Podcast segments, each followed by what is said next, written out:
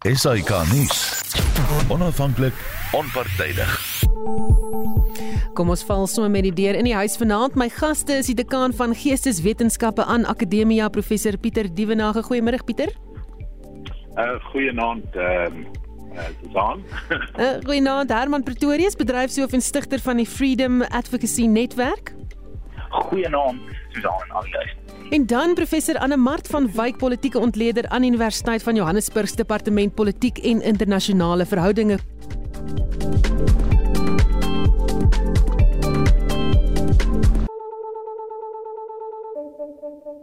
My naam is Susan Paxton, my klankregisseur Johan Pieterse en 'n uh, heel wat verwikkelinge op die internasionale nuusfront die afgelope week met die uh, van die jongste verwikkelinge wat ons nou mee opgestaan het vanoggend was die skietery in die stad genaamd Buffalo in die Amerikaanse deelstaat New York. Die 18-jarige Peyton Gendron wat glo 'n groot afstand afgelê het na die tradisionele swart dorp en 10 mense geskiet en 3 gewond het. Die media beskryf dit as 'n ekstremistiese aanval. Die goewerneur van die deelstaat, Kathy Hochul, het dit te sê gehad. Kom ons luister gou. A white supremacist who has engaged in an act of terrorism and will be prosecuted as such in a cold hearted, cruel, calculating way. A military style execution targeting people who simply want to buy groceries. It strikes us in our very hearts to know that there's such evil that lurks out there. Anamaat, kom ons begin sommer by jou wat jou indrukke van wat hier gebeur het. Ja, definitief my indrukke hiervan ehm um, dit dit vat baie min om te sien dat dit 'n rasgedrewe aanval was. En wat vir my besonder sleg is is hoe die aanvaller 'n lewendige uitsending daarvan gemaak het. Ehm um, daar was ook 'n 'n lelike rassistiese belediging wat hy op sy geweer se loop gegraveer het. Nou ehm um, die owerhede sê dat hierdie skieter het 'n lang klaagbrief van 180 bladsye op sosiale media versprei. En dit bevat besonderhede oor sy radikalisasie op internetforums en ook 'n plan om 'n hoofsaaklike swart buurt aan te val. Hy noem homself 'n wit suprematis en 'n fasis en hy is ook antisemities. Nou, die dokument is gebaseer op verregse sameswerings um, teorie wat sonder enige basis redeneer dat die wit populasie in westerse lande met opset verminder of vervang word deur immigrante. En dan noem hy ook dat ehm um, sy rolmodel is Brenton Tarrant wat 51 mense in twee Nieu-Seelandse moskeeë doodgeskiet het. Ehm um, so dit was die inspirasie vir sy aanval as ook die aanval in 2015 van Dylan Roof wat 9 mense doodgeskiet het in 'n aanval op 'n swart kerk in in Charleston. So ja, van van my kant af is dit definitief lyk dit vir my dit is rasgedrewe. Ehm um, wat vir my interessant is is dat die probleem erger word. Die FBI het byvoorbeeld in 2021 aangedui dat haatmisdade in die VSA toegeneem het tot die hoogste vlak in 12 jaar. Ehm um, anti-swart aanvalle het byvoorbeeld toegeneem tot 2755 aanvalle in 2020, anti-Asiëse aanvalle tot 274 en aanvalle op blanke is dit toegeneem tot 773. So daar was nog 'n merkwaardige sprong ehm um, tussen 2019 en 2020. Herman, waarheen kan hierdie moontlik lei? Wat kan die gevolge wees van hierdie optrede? Daar. Wel, ek dink uh polities moet ons kyk na na die uh, uh na die kongres, hoe die hierdie kongres in in Washington hierop reageer. Die kongreskant is onder die beheer van die Demokratiese Party en uh beide huise van die kongres, uh die huis van verteenwoordigers, daar is so wel as die senaat en uh, dit is 'n verkiesingsjaar en daar is uh volgens die peilings nou vir 'n paar maande 'n uitdaging vir die demokrate dat die kern van hulle kiesersbasis nie besonder gek is oor die regering uh van president Biden met sy demokrate demokratiese net net meerderheid in die senaat en meerderheid in die laerhuis uh nie. En hierdie is dalk 'n geleentheid so sinies as wat dit mag klink vir die demokratiese party om hulle kernkiesersbasis 'n bietjie weer te animeer oor 'n kwessie uh, waaroor Amerika nog steeds sterk verdeel is, die kwessie van wapenregte en die dra daarvan. Uh so die demokrate gaan waarskynlik op 'n federale vlak sowel as op 'n deelstaat vlak um soort vir meer wapenbeheer uh, en verwag dat die Republikeine natuurlik daarteen terugstoot. Um die die gouverneur van New York het dit natuurlik oorgeneem by uh, Andrew Cuomo wat onder 'n skandaal daar uit die 'n uh, uh, gouverneurswoning is en sy sal dalk hierdie as 'n geleentheid sien om of 'n uh, politieke wen uh, aan te teken met 'n uh, verstrenging van uh, geweerregte of wapenregte of wapenregulasies en wetgewing in die deelstaat van New York en daarmee saam waarskynlik dat sy werklik glo dat strenger geweerregulasies sulke gevalle sal voorkom. Dit is merkwaardig wel dat New York is een van die 50 deelstate van Amerika met die strengste wapenwetgewing.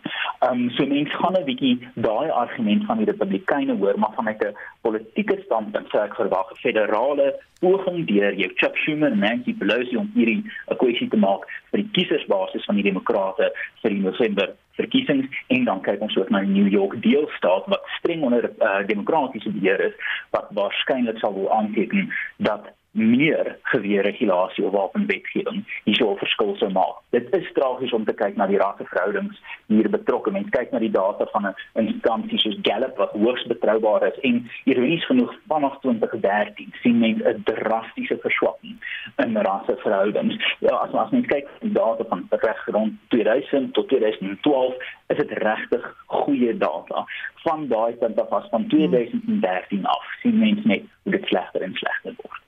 Pieter, beide Herman en Anne Mart het aan daardie data geraak, maar weet hoe groot is die probleem in die FSA in terme van rasse want dit is nie net wit teenoor swart nie, daar's ander uh, nasies ook betrokke. Beslis, ehm um, Susan, ek dink wat mense hier het is uiteindelik maar 'n lang historiese verloop van van gespanne verhoudinge in Amerika. Ons weet dit is 'n komplekse land, nê, die republiek daar onder die Noordersterre. Ehm um, dis 'n komplekse land uh, wat uh, uit en uit uh, alhoewel dit in die verlede oorwegend 'n wit uh, uh, staat was, word dit meer en meer 'n multikulturele samelewing. En saam met hierdie multikulturele aard van Amerika word die uitdagings om goeie groepsverhoudinge en goeie individuele verhoudinge na te jaag baie belangrik. Ek wil net een ander aspek byvoeg tot Anne Mart en Herman en dit is dat kyk uit die aard van die saak gaan hierdie saak nou eers 'n juridiese verloop moet neem. Ehm um, die politiek is natuurlik daar in die hele kwessie van wapens en en die beheer van wapens soos Herman uitwys. Maar hier moet nou juridiese ehm um, 'n uh, proses gevolg word. Ehm um, die persoon wat dit gedoen het, Peyton Gendron sal dan ehm um, jy weet voor die hof gedaag word.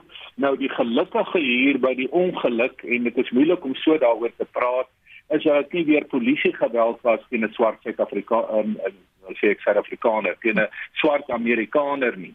Ehm um, jy weet ons ken die storie van George Floyd en die uh, Black Lives Matter en al die dinge rondom die polisie in Amerika en swart mense. Dit is gelukkig nie hier by al die ongeluk en al die hartseer en by al die trauma nie die geval nie. Maar wat ons nou gaan hê is 'n regsproses en dit kan dalk 'n uitgerekte hofsaak word wat verder groot skade kan aanrig aan intergroepverhoudinge in Amerika want mense kan maar net weer voorspel dat hierdie hofsaak ehm um, uitgesaai gaan word en dat dit uh in baie opsigte verhoudinge eerder kan laat versleg as verbeter.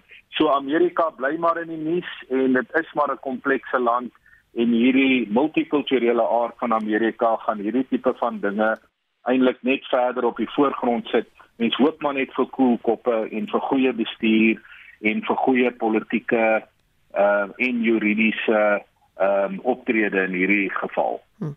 Ons bly by nuus uit die buiteland. In China word die stem van die publiek al harder oor die drakoniese COVID-19 inperkingsmaatreëls wat die regering ingestel het. Niemand mag bevoorbeeld gaan werk nie of selfs inkopies doen nie en as jy siek is, word jy na 'n regeringskwarantainfasiliteit geneem. Jou troeteldiere selfs word van kant gemaak as jy met COVID-19 gediagnoseer word. En die tradisioneel stil gemeenskap sê nou genoeg is genoeg. Pieter terwyl jy aan die woord is, dalk miskien 'n bietjie agtergrond, wat ja. probeer die regering hier doen? Wel, dit is vir my baie interessant want kyk China is die plek en is die land waar COVID ontstaan het. En uh, ons het nog geen helder prentjie presies wat het daar gebeur nie. Was dit uh, van diere afkomstig? Jy weet tussen diere en mense? Of het dit uit 'n uh, ehm um, jy weet 'n laboratorium ontsnap? So ons sukkel om om helder helderheid te kry presies wat het daar in China gebeur. En nou iewes skielik terwyl die hele wêreld eintlik poog om onder die die sware las van Covid uit te kom is daar nou weer in China 'n geweldige ehm um, kom ons moet maar grendel ehm uh, manie aan die gang. Nou mens moet onthou dat China is 'n autoritaire ehm uh, markgedrewe land. Met ander woorde, die regering in China ehm um, het baie meer magte tot sy beskikking as as uh, jy weet meer demokraties geaarde regerings wêreldwyd. En mens wonder nou ehm um, jy weet word hierdie beperkings of hierdie grendelstaat aksies of handelinge van die Chinese regering word dit gedoen om werklik vir die bevolking ten goeie te wees? Of word dit gedoen om jy weet spiere van die kant van die regering te wys? Dit bly by my 'n groot vraag. En dan laastens uh, die groot probleem is natuurlik verder dat die wêreldekonomie lê hieronder vanweë die uh, verskaffingsketting wat hierdeur uh, geraak word. Dit beteken dat baie lande voer grondstowwe uit na China en uh, die Chinese ekonomie kan hierdie grondstowwe in die stadium nie ontvang nie of baie lande kry produkte vanuit China weet vir uh, magdom van gebruike self Amerika is in sekere opsigte baie afhanklik van China. So as mens nou hierdie geweldige COVID maatreëls daar het, dan beïnvloed dit ook die wêreldekonomie. En hm. maar toe vreemd is dit dat die publiek nou so hard en duidelik begin sê nee en opstaan teen die regering daar. Ja, ek ek wil met Pieter saamstem. Jy weet dat ehm um, dat China ehm um, is is ek dink is 'n bietjie 'n flex van ehm um, van spiere aan die kant van die regering om dit te probeer onderdruk. Um, maar maar wat ons sien is jy weet dat daar eintlik baie min opstande in China oor die oor die afgelope paar dekades was. Die grootste een natuurlik wat in die geskiedenis was 1989 op die Tiananmen Square. Ehm um, en daarna het die regering regtig baie hard um, afgekom. Jy weet op enige opstande in in China. Maar wat 'n mens nou sien is dat mense sommer met potte en panne, jy weet, slaan en skreeu uit hulle woning se vensters uit in in protes teen die inperkings. Ehm um, want hulle het nou genoeg gehad van die feit dat hulle sukkel om voedselvoorrade in die hande te kry. Jy weet ander mense word uit hulle wonings gesit sodat hulle huise ontsmet kan word. Mens sien ook die beeldmateriaal van hoe mense sommer se muur by die werk toe gesluit word en dan sien jy hierdie soldate wat die matrasse ensovoorts indra en aan die buitekant staan iemand met met iemand wat binne is 'n baba en hoe die mense so geskei word en ek dink net die mense het het 'n punt bereik waar die grendelstatus het vir hulle net te veel begin word. Jy weet daar selfs elektroniese alarms wat gesit word by mense um se huise dat as hulle positief toets, jy weet wat dat keer dat hulle kan uitgaan. Um So ja, ek dink dit is nogal interessant wat daar aan die gebeur is. Ons sien 'n populistiese jy weet opstand onder die onder die burgers van China wat ons baie lank laas gesien het. Ek dink tog nie dis op die op die vlak wat dit was in 1989 nie, maar dit sal interessant wees om te sien waar dit heen gaan. 'n Ander ding wat vir my interessant is is hoe die Chinese burgers dit regkry om van die ehm um, weet ehm um, sensuur van die Chinese regering te te ehm um, te omseil. Hulle het byvoorbeeld in April maand 'n video gemaak wat hulle genoem het The Voices of April wat die erge impak van Shanghai se maandelange inperking gedokumenteer het in die inwoners se eie stemme. Nou daai video het soos 'n veldbrand versprei um, op sosiale media en dit het natuurlik ander Chinese um, aangeraak reg oor China. Maar natuurlik het die sensors weer blitsvinnig opgetree en die, en die video sowel as verwysings na dit is verwyder. Maar wat die mense toe gedoen het is hulle het op 'n op 'n ander manier die video teruggekry op sosiale media. Party het die video sommer onderste bo gemaak en so gepost, ander het dit in cartoon clips gesit en party het dit met QR-kodes versprei. So die nuus versprei deur China en hulle kry simpatie, jy weet van hulle medelandsburgers af wat ons kan sien moontlik kan lei tot jy weet 'n bietjie bietjie 'n um, ja, 'n bietjie verdere populistiese um, teenstand teen die Grendelstaat in in China. Hmm. Um Herman, dink jy die regering gaan dit toelaat dat die massas teen hom opstaan en voortgaan met al hierdie optredes? Waarskynlik nie. Waarskynlik nie. Die die die kwessie wat mense hier moet uh, verstaan van China is dat hulle is nou al vir 2 jaar besig met die sogenaamde zero covid of nul covid uh beleid waar die idee nie is om uh stelselmatig jou bevolking te immuniseer um, om te kom tot by 'n punt waar jy sogenaamd kan leef met covid soos wat lande soos Brittanje, Duitsland en selfs nou onlangs noodgedwonge Nieu-Seeland hier moes keer in terme van 'n beleidsrigting. China. Ehm um, die Chinese regering is nog streng in die rad in ehm um, sonder om enige lus om die koppelaar te trap om rad te verander van die idee dat COVID moet totaal en al uitgewis word deur non-farmaseutiese en nogal drakoniese pogings van mensebeheer en die beheer van waar hierdie virus 'n kans kry om te versprei. Nou, dit is 'n groot probleem veral vir die deskundiges in die Chinese staat of verbonde aan die Chinese staat wat um, mense sal in in in die land sê byvoorbeeld lees dat um, van hierdie natuurlik anonieme deskundiges want as hulle nie anoniem was nie dan sal hulle verdwyn word uh, in die middel van die nag soos net die Chinese regering ken en noem dat aan die begin was daar 'n bereidwilligheid van uh, Xi Jinping se regering om te luister na die deskundigasies maar die het heeltemal opgehou. En ek dink Suid-Afrikaners kan dalk 'n bietjie insien wat daar gebeur en dit is wanneer 'n regering se ideologie en uh uh se ideologiese onderskraging van hulle gedrag so absoluut oor uh oor, oor donderend is van besluitneming. Dit sal vir die Xi Jinping se regering uitsonderlik verleentheid skep en as hulle nou na 2 jaar van die nul COVID beleid moet afsien en erken dat hulle misluk het. So daar is daar is politieke magte hier betrokke van die Chinese staat. Nou die die Chinese kommunistiese party is natuurlik vreeslik sterk in China. Maar mense moet nooit oorskat hoe sterk hierdie partye is nie en hoe paranoïes hulle is oor hulle eie ontheffing uit amp nie. Daarso is in Chinese mitologie genoeg van uh, kwessies rondom siektes en natuurlike uh, na natuurlike rampe um, wat sal lei tot die uh, tot die ontroning van regerings dat 'n uh, regering soos Xi Jinping se bitterlik bewus sal wees van die feit dat as hulle eers lyk as hulle begin lyk asof hulle nie meer beheer het oor hierdie kwessie op die beleid wat hulle ingestel het nie gaan hulle aansien en kredietwaardigheid in die oë van die mense verloor. So daai politieke oorlewingsinstinkt is ongelooflik sterk in die CCP. So ek is nie ek is bevrees ons sal nie regtig sien dat hierdie proteste momentum kan kry soos wat ander proteste dalk soos uh, um, in in Midde-Ooste as mens terugkyk aan 2011 opstande daar as gevolg van sosiale media nie. Hmm. Maar ons weet nou al 'n klein bietjie meer as wat ons voorheen geweet het van wat daar in China gebeur, maar dink jy ons weet regtig wat alles daaraan gaan?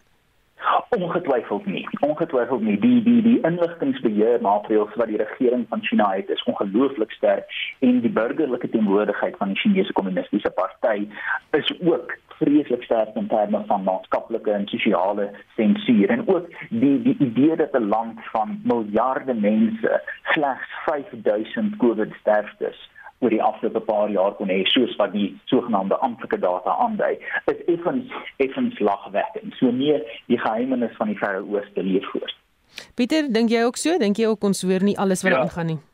Nee ek, ek is met jou en ek is ook met Herman op die gebied. Kyk die groot probleem is dat uh, en dit is belangrik dat mense ook die verskille en die ooreenkomste tussen ons en China uitwys want ons is vanaand op 'n baie sterk internasionale lyn hier af. Ehm um, Susan maar die uh, vir my is die verskil tussen China en Suid-Afrika is dat China uh, China het 'n baie sterk regering 'n baie sterk autoritaire regering wat op 'n interessante manier kapitalistiese beginsels volg maar maar hierdie kapitalistiese beginsels op 'n jy weet 'n markekonomie word verskriklik sterk deur die sentrale party uh van uh, die kommunistiese party van China beheer. En dit is 'n sentralistiese staat en dit is 'n baie suksesvolle staat ook. Laat ons dit net maar vir mekaar sê met al sy probleme het hierdie sentralistiese party 'n baie goeie greep op die land ehm um, en en is ehm um, baie sterk in beheer van die land. Mens kan net kyk na wat in Hong Kong gebeur het die afgelope paar jaar.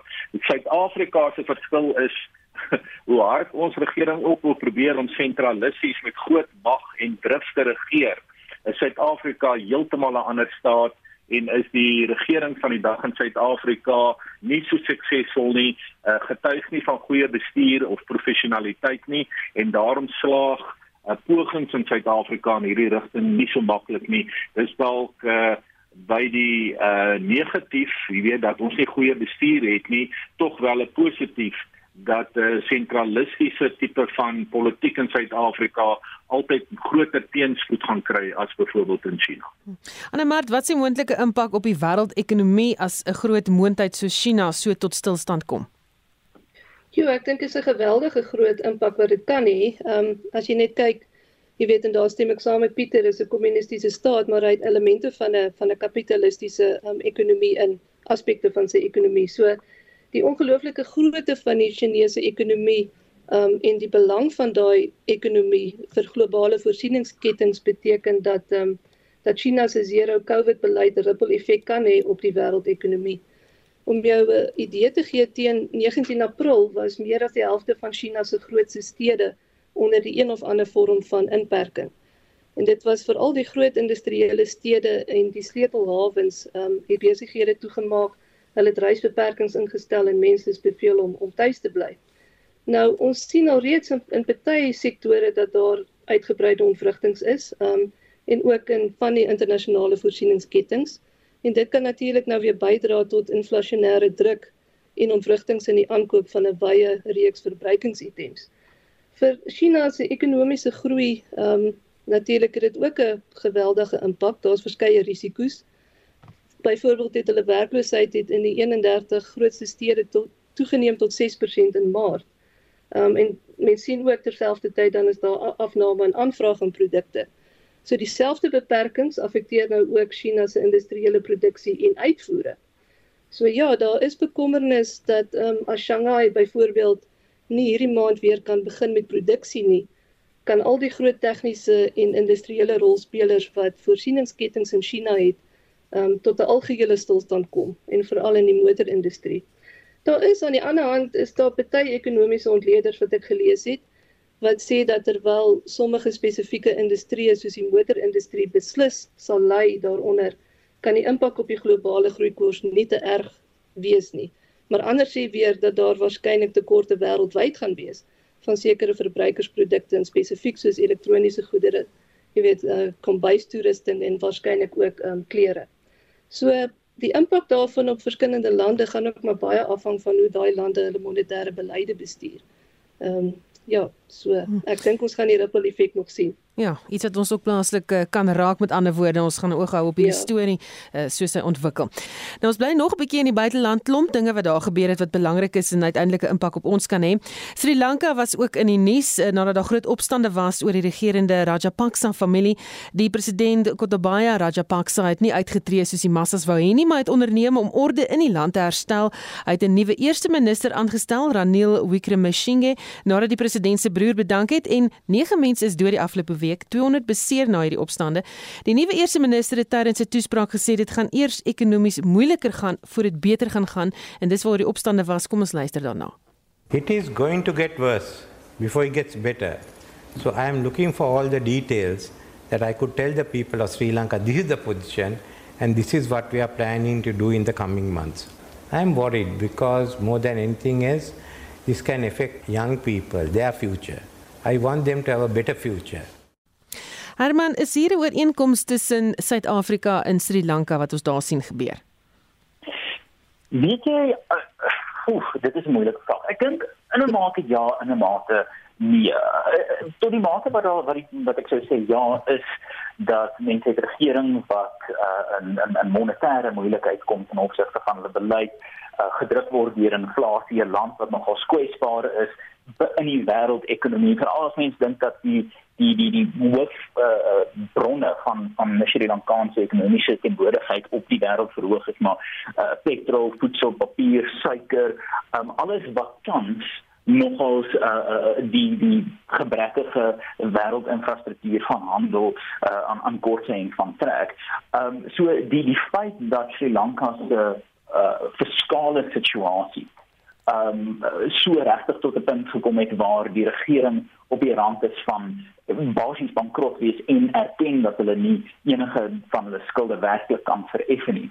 In daai mate is daar 'n parallel met Suid-Afrika. Die Suid-Afrikaanse uh uh fiskale situasie is ook. Op die oomblik onthou op 'n jaar of twee gelede wat uh die minister die Mboweni gewaarsku het en moes verduidelik in die parlement van sy ANC uh kollegas wat 'n soewereine uh skuldkrisis is en en, en wat die gevolge daarvan sou wees myself as ek reg onthou verwys maar nie na die Weimar Republiek en die inflasievloek wat daarmee kom. En dan sien ons in Suid-Afrika tans uh, 'n los monetêre beleid of nie vreeslik los nie maar 'n monetêre beleid wat as gevolg van die globale uh, uh gesindheid teenoor besteding om uit hierdie uh, uh post-covid krisis te kom. Uh, uh werklik hier hier te sien is dan net ons ook natuurlik Suid-Afrika se kwesbaarheid aan inflasie en uh 15 jaar tot ja van van vreeslike slegte fiskale beleid van die ANC regering. So tot daai mate ja, tot die mate wat um protesoptogte kan lei tot regeringsverandering of minstens hierso 'n uh, element van die regeringsverandering. Die eerste minister het verander en nie president nie. Dink ek Suid-Afrika is nog nie op daai punt nie en ek kan amper nie sien hoe ons binnekort by daai punt gaan kom nie. Suid-Afrika het oor die afgelope 10 jaar meer as 440% toename gesien in gewelddadige protes. So ons het hierdie amper ingefaktor in die formulering van ons politiek en dan sit ons in die situasie dat Suid-Afrika se eenvoudig 'n enorme land met 'n verkiesing ag met met 'n bevolking wat wyd versprei is. So hierdie tipe uh uh protesoptogte kan nie so baie momentum genereer soos dig bevolkte bevolkte lande lande soos Sri Lanka nie. So ja, en 'n bietjie meer. Hmm. Anamart, 'n uh, historiese agtergrond uh, van Sri Lanka ten opsigte van wat ons hier gesien gebeur het. Okay, so ja, Sri Lanka, ek dink is by ons almal bekend as ons Ceylon as ons Ceylon tee drink. Ehm um, Sri Lanka was eers bekend as Ceylon en dit het 'n baie lang geskiedenis van kolonialisme. Was eers 'n Portugese kolonie en toe kom die Hollanders en daarna kom die Britte. En uiteindelik in 48 1948 na bykans 150 jaar onder Britse regering het hulle hulle onafhanklikheid gekry. Ehm um, so fast forward na die 1950s toe het ons gesien dat daar spanning begin opbou het in um, wat toe nog Ceylon was tussen die Tamil minderheid en die uh, Sinhalese meerderheid. Want die Tamils het gevoel dat die Sinhalese onderdruk hulle want um, die Sinhalese se taal is in 1956 die enigste amptelike taal gemaak. Ehm um, groot getalle Indiese Tamil arbeiders is gedeporteer. Die nuwe grondwet in 1972 het boeddhisme die die amper half die staats ehm um, godsdiens gemaak um, van die eilandstaat Um, en dit was baie ongewild geweest en jy weet so, so stelselmatig was daar um hierdie bewegings teen die teen die Tamil um in in Sri Lanka. So in 72 ook sien ons dat die aantal plekke vir Tamil studente by universiteite verminder het. So uiteindelik is Ceylon se naam is toe verander na Sri Lanka en die Tamil Tigers en die Sinhalese het toe 'n gorilla oorlog betrokke geraak in 1983. En daai oorlog het aangegaan tot in 2009 toe die Tamil Tigers verslaan is deur die regering. Nou die Rajapaksa broers wat nou die president en die eerste minister was, hulle was eers ehm um, vereer as die helde ehm um, wat die Tamil Tigers verslaan het. En nou skielik word hulle gesien, jy weet, as die meisonde en die oorsaak van hierdie ekonomiese krisis. Maar sedert 2009 was daar vrede in Sri Lanka, die die die burgeroorlog was op 'n einde. Ehm um, en ten spyte van al die bloedvergieting oor die dekades het Sri Lanka tog vordering gemaak. En teen 1986 byvoorbeeld was hulle selfvoorsienend in rys en het hulle ook produkte soos tee en rubber en klapper en ook die tekstielindustrie het gegroei en dit is hulle grootste uitvoere ewen tot vandag. Nou die baie interessante ding vir my is dat ehm um, die Rajapaksas het nou nogal redelik vir hulle self 'n dinastie gebou ehm um, as 'n regerende familie. In die laaste 2 tot 3 jaar was daar byvoorbeeld nie minder nie as 7 Rajapaksas in die kabinet. Weet jy die president, die eerste minister en toe nou nog 5 ander ministers, ehm um, wat Rajapaksas was.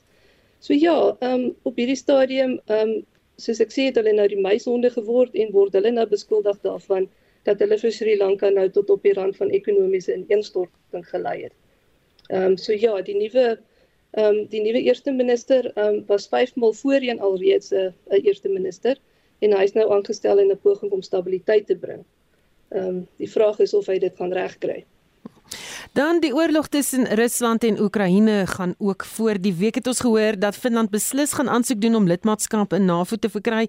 Intussen het hier 'n olietankskip in Suid-Afrika aangekom met Russiese olie aan boord. Alle rolspelers en dit sluit die regering in ontken dat hulle enige iets met die olie te maak het of weet wat en waarheen dit gaan. Mense spekuleer dat die olie dan ook vir Indië bestem is wat tans die olie spotgoedkoop aankoop. Die eerste minister van Finland en ons kyk eers na daai NAVO storie of deel gedeelte daarvan, Sanna Marin sê sy hoop die parlement sal die besluit vinnig goedkeur dat hulle kan uh, lidmaatskap kry by NAVO. Kom ons luister gou wat sy gesê het vroeër vanoggend.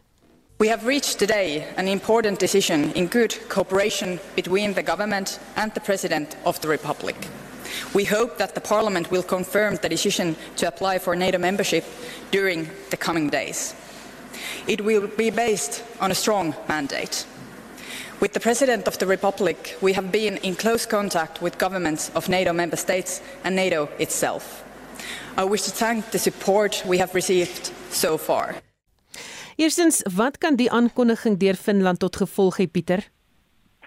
Kyk, dit is dit bly maar 'n komplekse probleem daar in die noorde, nê. Ehm um, uh dit is die die hele gebied, die hele grensgebied tussen Rusland en ehm um, Europa is is in die spervuur. Nou ons weet Finland het 'n lang geskiedenis met Rusland en ons weet van die verskriklike gevegte wat daar was in die in die Tweede Wêreldoorlog tussen hierdie twee lande. En tot dusver het Finland sigself nog altyd neutraal gehou, ten minste wat NAVO en Rusland aanbetref. Maar die gebeure in Oekraïne het nou blykbaar die Finne ehm um, laat besluit dat hulle gaan nou wil aansoek doen om lid van NAVO te word. Ehm um, en uh, Swede langs ehm um, Finland baie interessant. Wel lyk my dieselfde pad loop. So dit is nou 'n hele eskalering van die van die spanning wat eintlik ontstaan het tussen Rusland en Oekraïne. En ehm um, dit het vir my maar uh te doen met die feit dat Rusland vir Oekraïne gaan in gaan inval het. Ehm um, op 'n oorlogsigtige manier. Uh, dan mens kan nie doekies daaroor omdraai nie. En ehm um, die implikasie is dat ehm um, alle lande rondom die Oekraïne eintlik ehm um, baie bekommerd is sal die wat uh, deel is van NAVO of deel is van die Europese Unie. So dit is maar 'n uh, 'n uh, saak wat mens baie fyn moet dophou want alles dui daar ook net as 'n laaste punt ehm um, uh alles dui vir my daarop dat die Russe nie goed doen in Oekraïne nie. As mens sien hulle het 'n klomp ehm um, maniere van aanslag gehad aanvanklik in Februarie 24 Februarie toe hierdie uh inval begin is. Nou konsentreer hulle meer in die ooste in die Donbas gebied.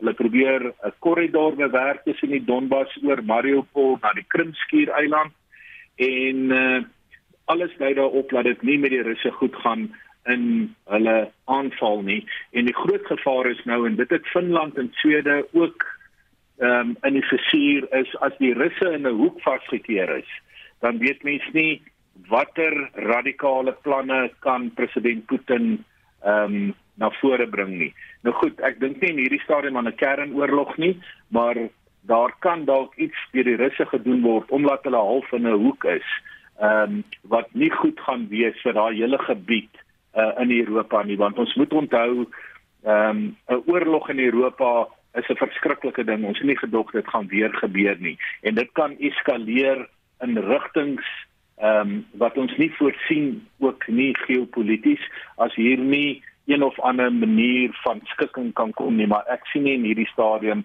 'n skikking nie want die verskillende partye is nog te uh sterk in hulle eie in hulle eie kom ons stel dit maar so hoeke versamel en mense is nog nie by die punt wat mense hoop dat daar een of ander vrede kan uh, uh jy weet bewerkstellig word in hierdie profbare gebied van die wêreld. En dan Marcel Rusland hierdie gebruik as die rede om sy kernwapens te gebruik uiteindelik. Jo ja, dit is dit is ek word daai vraag baie gevra. Ehm um, jong ja, dit is Rusland kan nie sommer net sy kernwapens gebruik nie. Ehm um, vir hom om dit te kan doen, moet Putin verklaar dat daar 'n eksistensiële bedreiging teen Rusland se bestaan is. En op hierdie stadium ek dink het hy nou nie genoeg ehm um, ehm um, redes hoekom hy so iets kan verklaar nie. Ehm um, Hy het wel iets waar, jy weet, so week of wat terug was daar 'n simulasie op op Russiese TV gewees waar hulle gewys het as hulle kernaanval sou doen op onder andere um Berlyn en um en Londen en Parys en ek sien vanmiddag ook op Finland eintlik dat daai lande binne sekondes uitgewis kan word. Maar ten spyte van daai amper ek sou sê hidden dreigement van hulle kant af, um het Putin slegs gesê in reaksie op Finland se se skuif nou om by NAVO aan te sluit, um het hy maar net gesê dat om neutraliteit te verwerp is 'n fout want daar was geen bedreiging vir Finland se sekuriteit nie, maar hy het glad nie weer enige melding gemaak van die gebruik van van kernwapens nie. Um Weliswaar het sy buitelandse minister um Sergey Lavrov um het hierdie hele ding van Finland en ek het sekondes terug gelees dat Swede het nou besluit om om ook formeel aansoek te doen. So beide Finland en Swede het vandag besluit om om by NAVO aan te sluit. En so Sergey het dit genoem, dit is 'n grotman se Russofobia wat op die oomblik aan die gang is in terme van die wêreld se reaksie op wat hy nog steeds noem sy spesiale um militêre operasie in in die Oekraïne. En dit dit is 'n ander punt wat mense moet dink aan die aan die kernwapen um uh, link daarso is dat um op hierdie stadium kan Rusland byvoorbeeld nie die res van sy reservemag toe oproep nie want dit is nie 'n fisiese oorlog wat hy verklaar het teen teen die Oekraïne nie. Dit lyk soos 'n oorlog, dit reik soos 'n oorlog, um wat mens sien gebeur daar is 'n oorlog, maar hy het dit nie 'n fisiese oorlog nog verklaar nie. So vir hom om, jy weet, verdere stappe te kan neem, um sal hy dit moet doen formeel en dan sal 'n mens maar weer moet sien wat hy sal dink in terme van kernwapens, maar ja. Hm. Herman, die ewige reaksie uit die Suid-Afrikaanse oor dit nou van regering en ander rolspelers oor die olie wat hier in die hawe lê. Ehm, um, jy weet wat maak jy daarvan? Weet jy dit is dit is altyd moeilik om om presies daar te weet. Ons weet die ANC het 'n ryk um, historiese verbintenis met Rusland en sal nie verbaas wees as daar iets in kruip nie. Maar daar is ook iets te sê vir die feit dat uh, die die het in jou uh, openings uh, aanmerkings vir hierdie uh, onderwerp waarskynlik op moontlik op wat is na Indië waar ons weet dan Indië uh, uh, in in rubles aan uh, olie aankoop by Rusland. So dit is regtig moeilik om te verstaan waar Suid-Afrika presies sit in hierdie situasie, veral omdat die ons ons regering regtig nou uh, aan aan die een kant nie kan besluit waar hulle staan ten opsigte van die oorlog self nie, maar dat ons deur die ANC hierdie uh, uh liefde vir hulle voormalige uh, kamerade in die oorlog as ons kyk na die uh, aktiwiteite hier's Cuba en en en so voort. So dit is 'n moeilike situasie vir my om daarvan sin te maak en ek uh, ek kan wel hause gedink doen en en dalk wag vir die feite. Maar ek moet sê die interessante ding wat mense in ag moet neem dink ek van van die Putin situasie is Putin lyk na alle praktiese doeleindes 'n Russies etniese nasionalis te wees. Sy imperialisme as mense dit wil noem, is gemotiveer in drie instansies waar dit nou al gebeur het, Georgië, die Krimskiereiland en nou Oekraïne in die Donbas streek. Hoofsaaklik is daai skuwe gemotiveer deur die idee dat daar etniese Russiese groepe is wat nie onder Russiese regeringsmag of jurisdiksie is nie en daai mense wil graag wees. Nou Hitler het natuurlik hierdie hierdie hierdie rookskerme gebruik vir vir aksies soos die aanvloes waar Oostenryk deel geword het van die Reich. Maar mens kry die idee dat Putin nie noodwendig daarop uit is om wêrelddominansie te vestig nie. Hy is 'n agitator vir 'n vorm van 'n Russiese Sowjet nasionalisme veral met 'n etniese ondertoon. Maar mens kan natuurlik verstaan dat Swede en Finland hierdie skuwe nou maak en dit is dalk 'n refleksie op Putin se mistasting sy wanberekenings hierso van hoe die oorlog sou verloop en wat nasionale of internasionale reaksie daarop sou wees.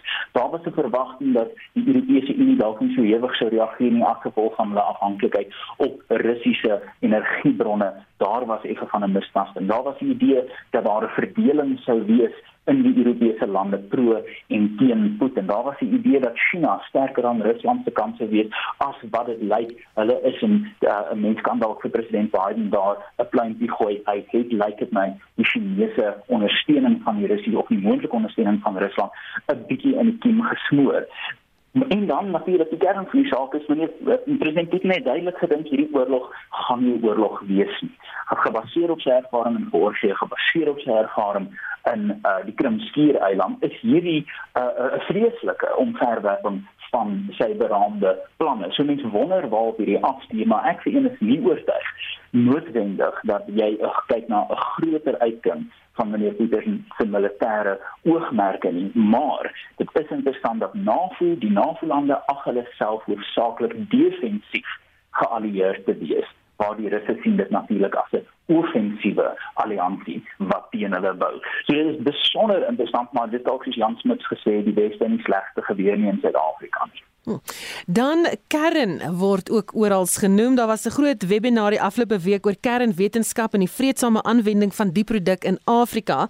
Daar is onder meer gepraat oor wat die aanval op Oekraïne se kernkragstasie beteken vir die res van die wêreld. Maar Annemar, jy het die webinar bygewoon. Wat is daar alles gesê wat betrekking het uh, spesifiek op Suid-Afrika byvoorbeeld? Ja, tydens die webinar was dit baie interessant om te hoor, jy weet dat daar die mense is wat maar die wat pro-kern is en ook maar die wat wat wat wat teen kernkrag is. Um ek dink mense moet die webinar ook sien binne die binne die groter konteks van Suid-Afrika en waar ons tans is in terme van ons um ons probleem met energievoorsiening. Um dit dit is duidelik dat die regering vasbeslote is om voort te gaan met met kernkrag um terwyl groen energie teen 'n slakke pas geïmplementeer word. En soos julle seker gelees het, het Mantashe onlangs so ver gegaan um, om te sê by openingstoespraak van die ANC se Oop-Kaapse Oos-Kaapse konferensie dat diegene wat kernkrag teenstaan terwyl hulle dien op die raad van die nasionale kernenergiereguleerder moet maar hulle tassies pak en gaan. Ehm um, hy het terselfdertyd ook gesê dat kern, hidro en ander energie-genererende tegnologie binne Suid-Afrika se bestaande beleidsraamwerk aanlyn sal kom om die gaping te vul van steenkoolkragstasies wat toemaak. Nou, dit wil hulle alles bereik teen 2030 en hulle is nog steeds ehm um, jy weet regtig gefokus op om teen 2030 nog ten minste een kernkragstasie te bou. En wat by die webinar uitgekom het is dat daar deesdae goedkoper tegnologie is as wat byvoorbeeld 5 of 10 jaar terug was. Ehm um, die Pebble battery reaktor wat wat uniek ontwikkel is hier in Suid-Afrika was jy weet een van die goedkoper tegnologieë, maar die vorige regering van Zuma het toe besluit nee, hulle gaan eerder na Rusland toe en het jy weet toe een of ander ooreenkoms met Rosatom aangegaan. En die vraag is nou, ehm um, as ons gaan vir vir kern, dit is geweldig duur, ehm um, die tegnologie wat ons sou kry van Rusland af. Suid-Afrika het nie die finansies daarvoor nie. Die ander ding is ook ons sal waarskynlik die verrykte Iran wat nodig is om so kernkragsentrale te te laat hardloop, sal ons moet invoer. Ons het op 'n stadium ons eie tegnologie gehad om Iran te verryk wat ons nie meer het nie. So alles wat met 'n kernkragsentrale te doen het, sal tegnologie moet wees wat van buite af inkom. Ehm um, so ja, die bekommernis is ook, jy weet dat die bestaande beleid in terme van ehm um, energie ehm um, generasie in Suid-Afrika nie vinnig genoeg geïmplementeer word ehm um, in die huidige energievoorsieningsskaping te vul nie. En daar's ook natuurlik die birokrasie, die ehm um, wat wat keer dat van die private verskaffers van energie van jou groen energie ehm um, word die hele tyd gekortwiek deur hierdie bureaukratiese rompslomp wat keer dat hulle hulle um, voorsiening in die nasionale netwerk kan kan insit. Hm. Pieter baie luisteraars het die week gesê maar hulle dink die regering kan 'n kernkragstasie behoorlik bestuur nie en die oprigting gaan verseker iewers eh, daar gaan korrupsie by betrokke wees. Is die publiek se gevoel reg? Ek dink die publiek se gevoel is uh, redelik reg. Uh jy weet as mens net kyk na die rekord van die ANC met hierdie tipe van dinge. En nou praat ons nie van 'n kernkragsentrale nie, ons praat nou van die gewone steenkoolsentrale ehm um, wat gebou is deur die deur die ANC. Jy weet en wat baie laat aanlyn gekom het, een is nog nie behoorlik aanlyn nie en die geweldige slegte rekord, bestuursrekord as jy dit so kan stel, uh van hierdie twee gewone ehm um, kragstasies. Dan hou mense jou hart vas as mens dink wat alles rondom 'n kernkragsentrale of 'n kernkragstasie kan gebeur in terme van goeie bestuur, professionele bestuur, jy weet al die aspekte wat in plek moet kom, laat dit 'n baie duur tegnologie is en so meer. Dan dink ek ehm um, die hele kwessie van 'n ekstra kernkragsentrale in Suid-Afrika moet maar liewers op die ys gesit word Mens hoop maar net koel koppe uh jy weet en besonnenheid sal hier seëvier en uh dat Suid-Afrika se toekoms lyk dit vir my gaan ons nie maklik van steenkool ontslaa raak nie, maar ons moet steenkool eerder verminder en ons moet groen energie meer maak. Dit lyk vir my na die beter opsie uh vir Suid-Afrika, want nou weet ons daar is verskriklike groot belange betrokke by steenkool. Ehm um, en ek dink minister Montashe is verskriklik versigtig want hy weet wat se belange in die agtergrond op die spel is. Mense wat steenkool belange het en wat met die ANC op 'n of ander manier ehm um, uh, geknoop is en dan weet ons ook die hele kernkrag uh kwessie het ook baie belange agter die skerms.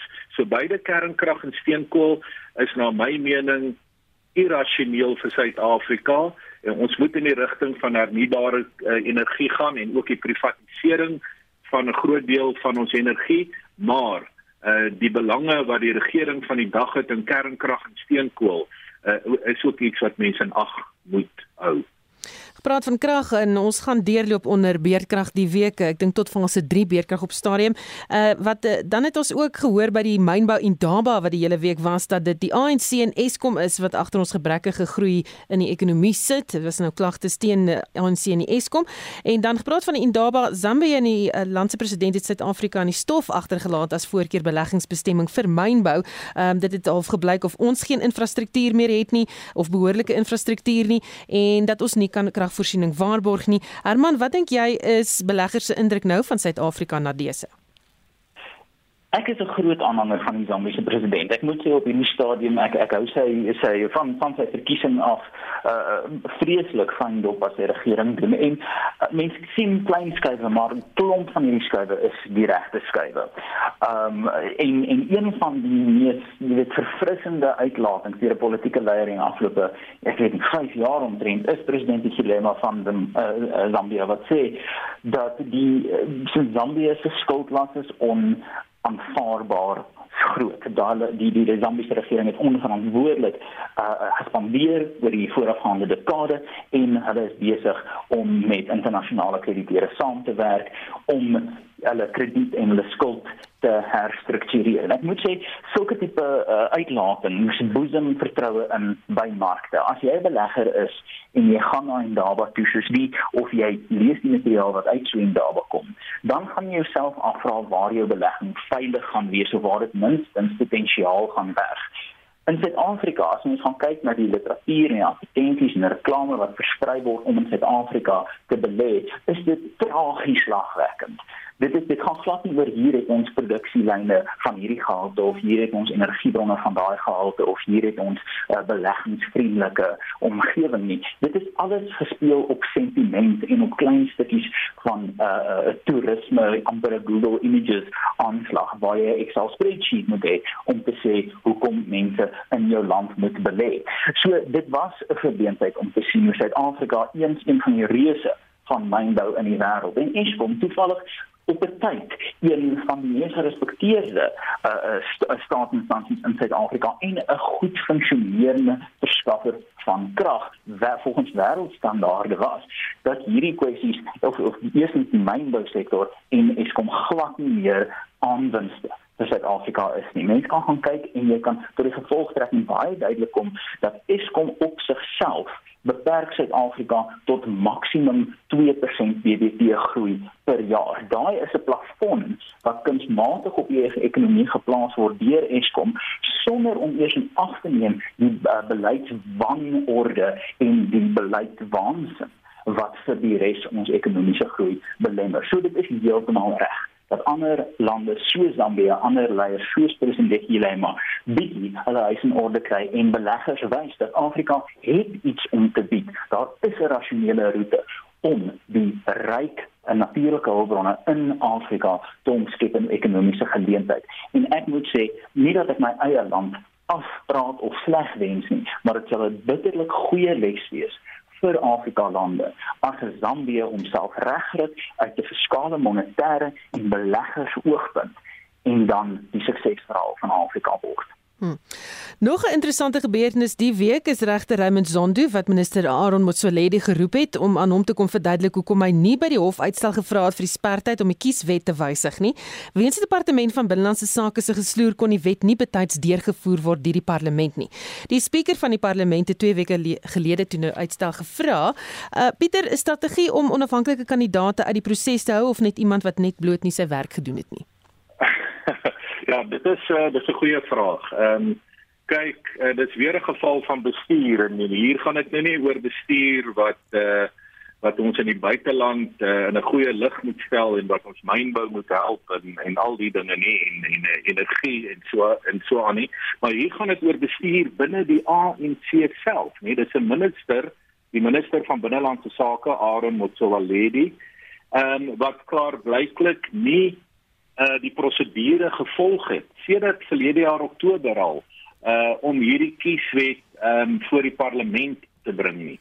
Jy weet en onder andere gaan dit nou oor onafhanklike kandidaate wat dan in 2024 uh weet sal kan staan en wat in die kieswet gesê word. Net tussen hakies um die tema van kiesafdelings is blykbaar nie uh deel van hierdie hele gesprek nie wat ek jammer vind want ek dink um, 'n uh, gedeelde kiesafdeling proporsionele stelsel in Suid-Afrika is steeds iets waaraan ons moet aandag gee maar dis op die oomblik nie op die kaart nie.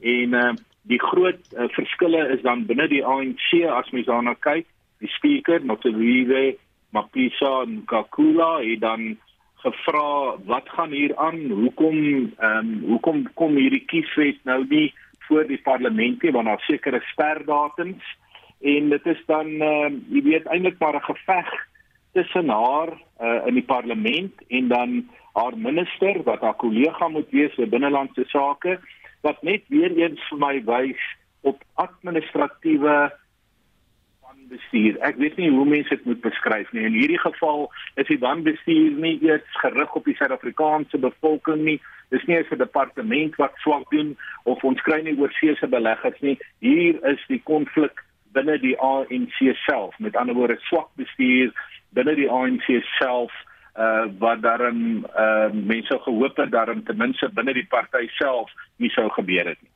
Pieter net vinnig, ehm um, verduidelik net vir ons die agtergrond tot hierdie wysigings aan die kieswet. Wat presies moet nou gewysig word? Kyk, dit is veral ehm um, vroeër was was natuurlik hele kwessie van as jy die kieswet wil verander, dan dan gaan dit oor ons huidige proporsionele stelsel wat ons sedert 1994 het. Ehm um, dat kiesers, soos ons almal weet, uh watter vlak van die regering ook al stem vir 'n party en die party stel dan die persone aan uh, na goeddinke wie sal op in in in 'n watter vlak van die regering dien. En uh, in die proses is dit dan partye wat dit uh, kan doen. Nou die uh, moontlike wysiging van die kieswet gaan of onafhanklike kandidaate ook kan staan en ehm um, die ander belangrike tema wat sedert die van Sail Slabber uh, kommissie van die vroeë 2000 Ehm um, is die uh, die by die ander kwessie is natuurlik en dit is 'n meer radikale verandering van die kieswet of mens nie 'n gemengde proporsionele en 'n kiesafdelingsstelsel moet kry uh veral wat uh nasionaal en provinsiaal aanbetref nie. Kyk, uh op plaaslike vlak weet ons die mense staan daarom in kiesafdelings wat 'n goeie ding is op plaaslike vlak. En uh dit is maar die agtergrond rondom hierdie kieswet ehm um, sage uh maar dit lyk uh, Susan asof dit al weer vasval in die parlement dat ons nie eens by hierdie belangrike gesprekke hierdie belangrike moontlike veranderings en 'n moontlike stemming daar daaroor uh, uitkom nie. Herman, hoe nodig is hierdie wysigings? Hoe dringend is dit? Weet jy dit is grond die grondwetlike hof um, opdrag gegee dat die dat die wet gewysig moet word? En ek gaan dalk vir een keer gaan ek jubel en jy gou die ANC se se absolute wanvermoë lys maar oor dit hierdie is 'n aardige stuk wet wetgewing. Dit is 'n aardige wetsontwerp. Dit maak dit basies onmoontlik vir uh, individuele on, onafhanklike kandidaate om te staan vir die parlement. Nou die wetgewing is uh, die die wysiging is basies uh, uh, gekapitaliseer deur die grondwetlike hof se bevindinge 'n paar jaar gelede dat teen 2022 Junie 2022 die wet in Suid-Afrika aangepas moet wees want dit is ongrondwetlik dat onafhanklike kandidaate nie vir 'n uh, parlementêre verkiesing kan staan nie. Nou ek stem heeltemal daarmee saam. Maar toe gaan die minister en hy stel 'n komitee aan en die komitee kom met 'n minderheids- en 'n meerderheidsbevinding. Daar was nie 'n konsensus opsie nie. Die meerderheid van die ministeriële komitee het gesê ons moet na kieswykstelsel 'n hybride proporsionele verteenwoordiging en 'n kieswykstelsel gaan in die lyn van die van selfslabber verslag. En die minderheid het gesê nee daar moet 'n ander die nege provinsies soos hulle tans staan moet as multi-lid kiesafdelings geag word. Nou mens kan baie lank gaan oor wat 'n multi-lid kiesafdeling en 'n enkel lid en 'n dubbel lid kiesafdeling maar die lank en die kort hiervan is in die getalle.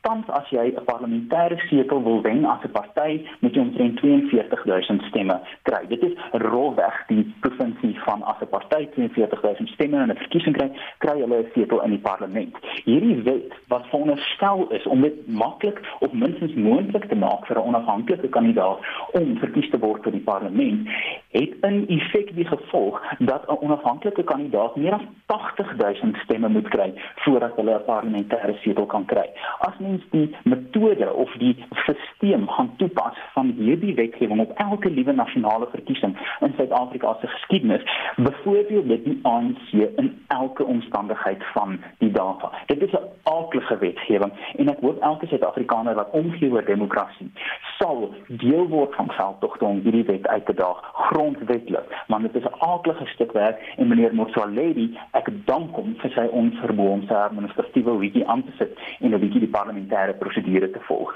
Hierdie ding moet gestuit word. Dit sal ons demokrasie verswak en nie. Dan net so laaste punt voor ons moet groet. Ehm um, Pieter en die vraag is vir jou. ANC sou 'n streeksverkiesing in Gauteng gehou het die naweek, Johannesburg Metro en Ekurhuleni.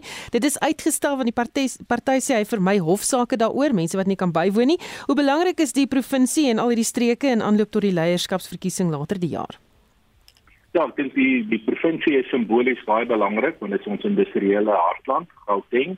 Nou die ehm um, die uh, belangrike figuur daar in die streeksverkiesing en ons moet onthou die streeksverkiesing gaan hier oor Johannesburg uh is natuurlik die oppositie in die stadsraad van Johannesburg wat in 'n ernstige motorongeluk was. En uh, dit beteken nou dat hierdie verkiesing uitgestel word, maar mens hoop hy sal hom redelik vinnig plaasvind want uh, dit gaan nou alles oor kandidate, jy weet in die streke van Gauteng en dan gaan dit op na Gauteng self wat sy sy kandidate moet aanwys of nie sy kandidate nie sy kiesers en daai kiesers gaan dan as 'n blok aan die einde van die jaar na die verkiesings ehm um, jy weet uh, konferensie van die ANC die nasionale een. So dit's maar 'n kwessie van ek dink uh, materiële belange en so meer wat hier op die spel is. Ehm um, ek dink nogtans mense moet dit fyn dophou want Gauteng vat nie die meeste kiesers na die nasionale konferensie nie, maar is simboliese belangrike provinsie. Baie dankie. Dit was dan kommentaar en eh, die stem van eh, die dekaan van Geesteswetenskappe aan Akademia professor Pieter Dievenage wat dit afsluit. Herman Pretorius het saamgesels. Hy's bedryfshoof en stigter van die Freedom Advocacy Network en eh, dan ook professor Anne Mart van Wyk politieke ontleder aan die Universiteit van Johannesburg se departement politiek en internasionale verhoudinge. My naam is Susan Paxton en my klankregisseur Johan Pieterse. Dankie dat jy saamgeluister het.